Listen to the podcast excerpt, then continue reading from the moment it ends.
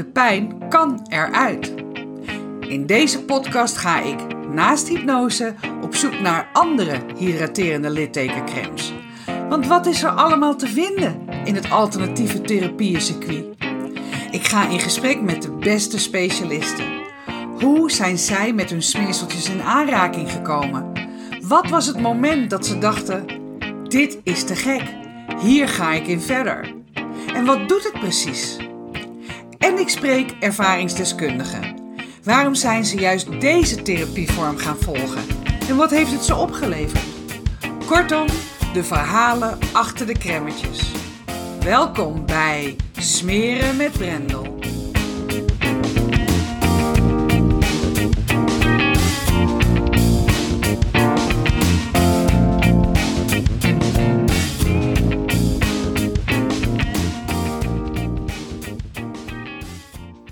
Waar hebben mensen spijt van op hun sterfbed? Dat was voor mij de insteek vanmorgen in een presentatie die ik hield voor mijn uh, vrienden van uh, eh, BNI. Ik ben uh, lid van een businessclub, Business Network International. En ik kom iedere dinsdagochtend om half zeven met um, ehm, 25 andere bevlogen ondernemers samen om business te doen. En één keer in de zoveel tijd, elke week heb je sowieso je één minuten pitch waarin je je bedrijf profileert. Maar één keer in de zoveel tijd heb je ook een uh, 10 minuten pitch. Een 10 minuten presentatie. En ik wilde heel graag mijn uh, mooie programma, wat ik um, ja, eigenlijk pas sinds de zomer heb gelanceerd. Het van hart naar hart, hè, hart met een D, van hart naar een T uh, programma wilde ik uh, daar over de bühne brengen. En ik zocht een goede ingang, want ja, een, uh, een, een, een programma van een half jaar, wat uh, eigenlijk alleen maar op soft skills is ingezet, wat uh, uiteraard exclusief is, maar alleen maar op persoonlijke groei is geënt. En mind you, ik weet nu dat door je te focussen op persoonlijke groei, ook op zakelijk vlak alleen maar groeit. Maar ga dat maar eens over de bühne, te, over de bühne brengen. Um, dus ik zocht een, een, een, een ingang. Hoe kon ik uh, duidelijk maken, sorry, hoe kon ik duidelijk maken wat, um, ja, wat, wat belangrijk is en, en, en waarom het belangrijk is ook om te werken aan persoonlijke groei en de dagelijkse romslomp en de ratrace waarin we ons uh, veelal in begeven om daar eens uit te stappen en, uh, en eens uit te zoomen. En toen kwam ik dus op dat boek van, um, of een, ja, het boek van uh, Bronnie Ware, heet zij. En zij is een, um, een palliatief verpleegkundige um, uit Australië. En zij werkte op de, volgens mij ook in een hospice. En daar ja, sprak zij natuurlijk met mensen die aan het eind van hun leven waren. En op een gegeven moment is in die gesprekken is, uitgekomen dat zij ging vragen van waar heb je spijt van? Wat zijn voor jou had ik de had ik maars in het leven? En daar heeft zij een boek over geschreven. Regrets of the Dying heet het in het Engels. En in het Nederlands is het uh, Als ik het leven over mocht doen. En dat was ook mijn opening vanmorgen. Wat denken jullie dat de top 5 is van waar mensen op hun sterfbed het meeste spijt van hebben? En ik ben met, ja, ik heb uh, de top 5 met ze doorgenomen en ik dacht van ja, dat is eigenlijk ook wel een mooi, een mooi item ook voor een podcast. Dus om ook met jullie, met jou als luisteraar, zo net voor de kerst zitten we dus door te nemen van ja, wat is nou belangrijk geweest uiteindelijk voor mensen die op hun sterfbed terugkijken op hun leven? Wat hadden ze graag anders gedaan? Wat zijn hun had ik maar? En um, ik ga ze met je doornemen. Op nummer 1 staat: Had ik maar een leven geleid waarin ik meer trouw was aan mezelf in plaats van te voldoen aan de verwachtingen van anderen. We zijn altijd zo druk bezig in ons hoofd met wat andere mensen wel niet van ons vinden of andere mensen wel niet van ons denken. En ik kom steeds meer tot het besef dat, ja, iedereen denkt wel wat van je. Ehm, iedereen heeft wel een mening uiteindelijk en vindt ergens wel wat van. Dus ja, je, sommigen zijn voor, sommigen zijn tegen, sommigen vinden stom wat je doet, sommigen die hebben applaus ervoor. Het maakt in principe niet uit.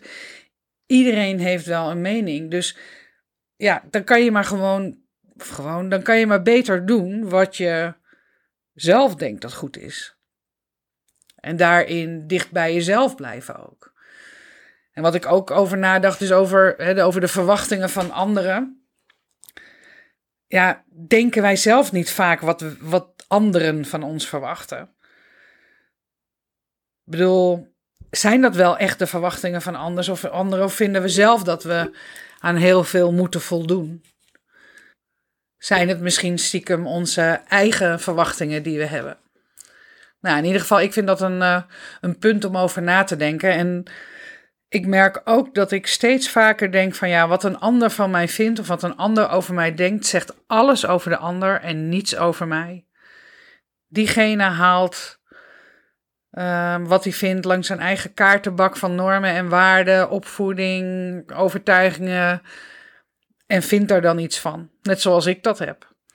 Dus ik probeer oprecht om steeds meer los te laten dat ik ergens wat van vind. Um, en dat is eigenlijk best uh, bevrijdend, kan ik eerlijk zeggen. Of nummer twee. Had ik maar wat minder hard gewerkt. Zo, nou. En die komt dan ook wel binnen als ik, zoals vanmorgen, dat zeg tegen een hele groep ondernemers. Het West-Friesland, harde werkers. Hè, um, we zijn opgegroeid, zeker de generatie waar ik in zit, met uh, werken loont, hard werken loont. Niet lullen, maar poetsen, vooral doorgaan. En de vraag is: is het nodig hè, dat we altijd bereikbaar zijn? Zeker in deze tijd met die mobiele telefoon, maar ook, ik weet nog in mijn AOL-tijd, ik had drie uh, uh, kleine kinderen en ik werkte gewoon 60 uur per week. Dat was gewoon, nou ja, noem het maar gewoon. Het was helemaal niet gewoon. Maar dat was de norm. Op een of andere manier bleef je gewoon altijd langer zitten. Ging je altijd s'avonds uh, weer achter je computer zitten om uh, weer via een uh, VPN-verbinding in te loggen. En de vraag is, hoe nodig is dat nou uiteindelijk? Dat enorme harde werken. En loont dat ook wel? Kan dat niet op een andere manier? Is het noodzakelijk nu om altijd bereikbaar te zijn? Om altijd je telefoon bij je te hebben? om in het weekend toch die klantenwoord te staan. Om op vakantie, ik had op vakantie altijd mijn laptop mee. En ik werkte elke ochtend een paar uurtjes als de rest nog in bed lag. Maar kom je dan wel los van je werk? Ben je dan wel helemaal ontspannen? Ik geloof er helemaal niks van als ik er nu over nadenk. En dat blijkt dus dat nou, mensen op hun sterfbed er net zo over denken. Had ik maar wat minder hard gewerkt. Nummer drie. Had ik maar de moed gehad mijn gevoelens meer te uiten. En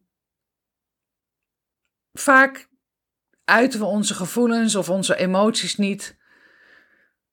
We onderdrukken ze, ook omdat we bang zijn om afgewezen te worden of dat we conflicten willen vermijden. Of dat, nou dan ga je weer, die, uh, hè, dat, dan, dat wat de ander daar dan weer van vindt. En als je je gevoelens zo binnenhoudt, als je je emoties zo binnenhoudt, het slaat zich op echt in je lichaam. Je gaat lichamelijke klachten krijgen als je niet jezelf uit. Het kost zoveel moeite om het vast te houden in je lijf. Dat kost zoveel spanning dat het loslaten daarvan en dat het gewoon door je heen mag stromen, want het is natuurlijk gewoon energie. Een emotie komt en een emotie gaat, een gevoel komt op en een gevoel gaat. En ja, het mag er gewoon ook allemaal zijn, dus laat het er ook gewoon zijn. En vooral als je het heel dicht bij jezelf houdt over wat iets voor jou betekent, of wat iets met jou doet, of hoe jij, hoe jij je eronder voelt, dan is het alleen maar iets wat je vertelt over jezelf, zonder dat je een oordeel daarover geeft aan de ander. Dus die uh, snap ik wel. Op nummer 4 had ik maar meer contact met mijn vrienden gehouden. En zeker als je ouder wordt en er steeds meer mensen om je heen wegvallen, ja, is het natuurlijk super waardevol om, om vrienden om je heen te hebben. Maar hoe vaak verwateren vriendschappen niet door tijdgebrek of dat je elkaar uit het oog verliest? Of... Maar het is zo'n kleine moeite om in contact te blijven met mensen. Dus ehm, als je deze podcast hebt geluisterd en je zit misschien in de auto, nodig ik je uit om ehm, die vriend of vriendin eens een keer te bellen die misschien best al een paar keer door je hoofd is gegaan, maar elke keer dat het er weer niet van kwam om uh, te bellen. Dit is een, uh, of om contact op te nemen. Dit is in ieder geval een mooie tijd om dat uh, te doen. Op nummer 5 had ik maar mezelf wat meer geluk gegund. Wat is geluk?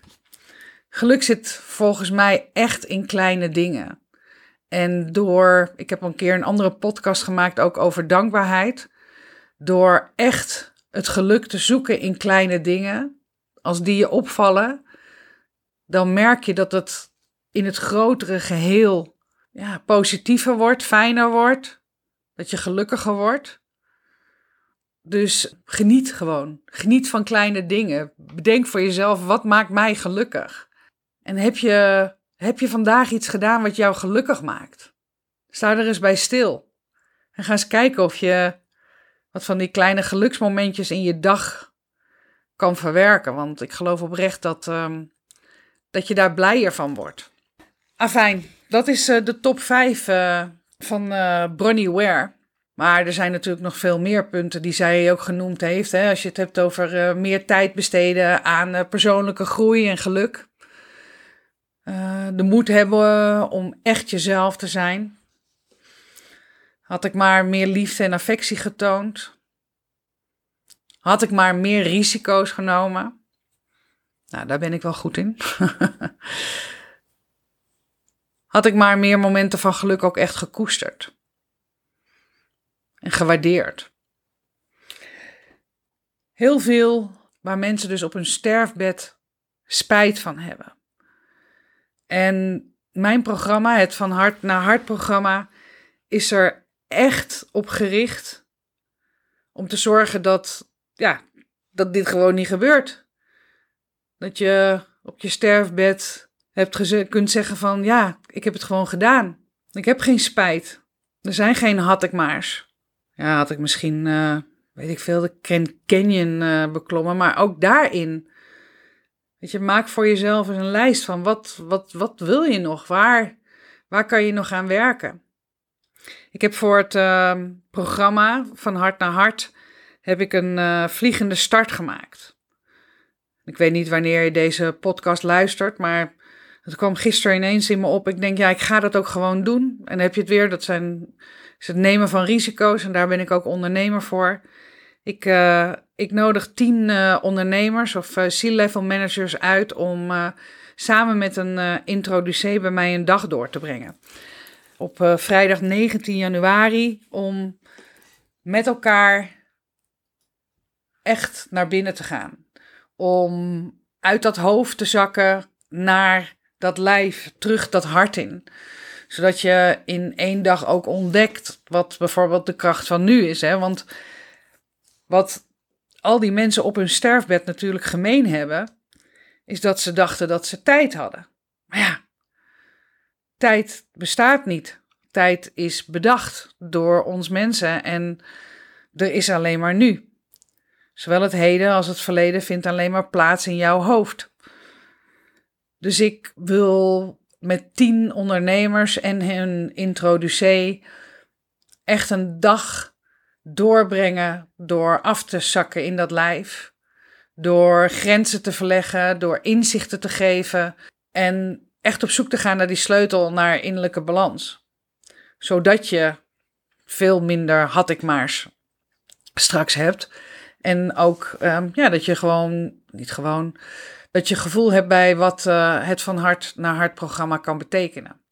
Dus voel je ergens de uitnodiging.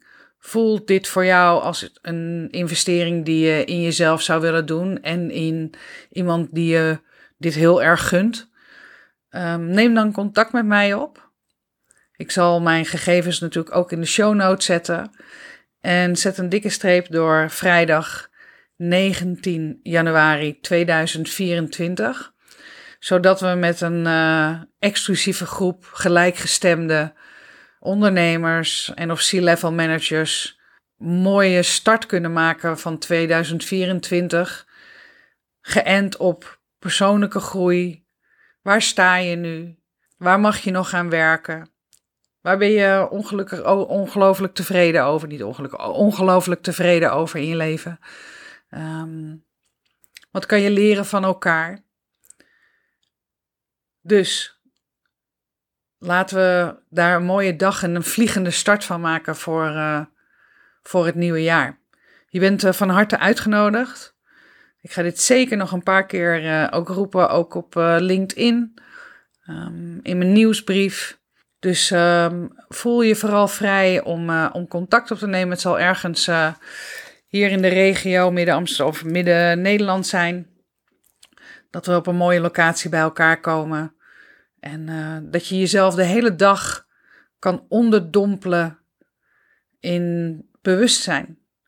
In, ja, wat wil jij? Wie ben jij? En waar zit jouw groeipotentieel? Dat, uh, dat lijkt me echt uh, tof om dat, om dat te organiseren en dat te samen te doen. Dus ehm, voel je dit? Komt die ook voor jou binnen? Dan ehm, nodig ik je uit om nogmaals om met mij contact op te nemen. Dan, dan gaan we er een mooie dag van maken. 19, vrijdag 19 januari. Nou, dat was het voor nu. Ik wens, ik wens, ik wens je voor nu in ieder geval een hele, hele mooie dag. En voor straks fantastisch mooie feestdagen. Met de mensen van wie je houdt, hoop ik dat je bent. Hou iedereen nog een keer goed vast. Geniet. Zoom even uit. Kijk wat, waar je bent. In, in, in welke omgeving. Met wie. En, uh, en, en neem dat echt in je op. Absorbeer dat echt. En, en geniet daar ook vooral van. Want nogmaals, er is alleen maar nu. Bedankt voor het luisteren naar Smeren met Brendel. Vond je dit een toffe podcast? Laat dat dan vooral weten door een 5-sterren review achter te laten. En ken je iemand die deze podcast vast ook interessant vindt? Dan zou ik het waanzinnig waarderen wanneer je hem deelt. Wil je het direct weten als de volgende podcast Smeren met Brendel klaarstaat? Klik dan in jouw podcast-app op de button subscribe en je ontvangt direct bericht als de nieuwste podcast online staat. In de Spotify-app kan je zowel het beoordelen als het delen en het volgen van deze podcast heel eenvoudig regelen op de drie puntjes te klikken. Super bedankt!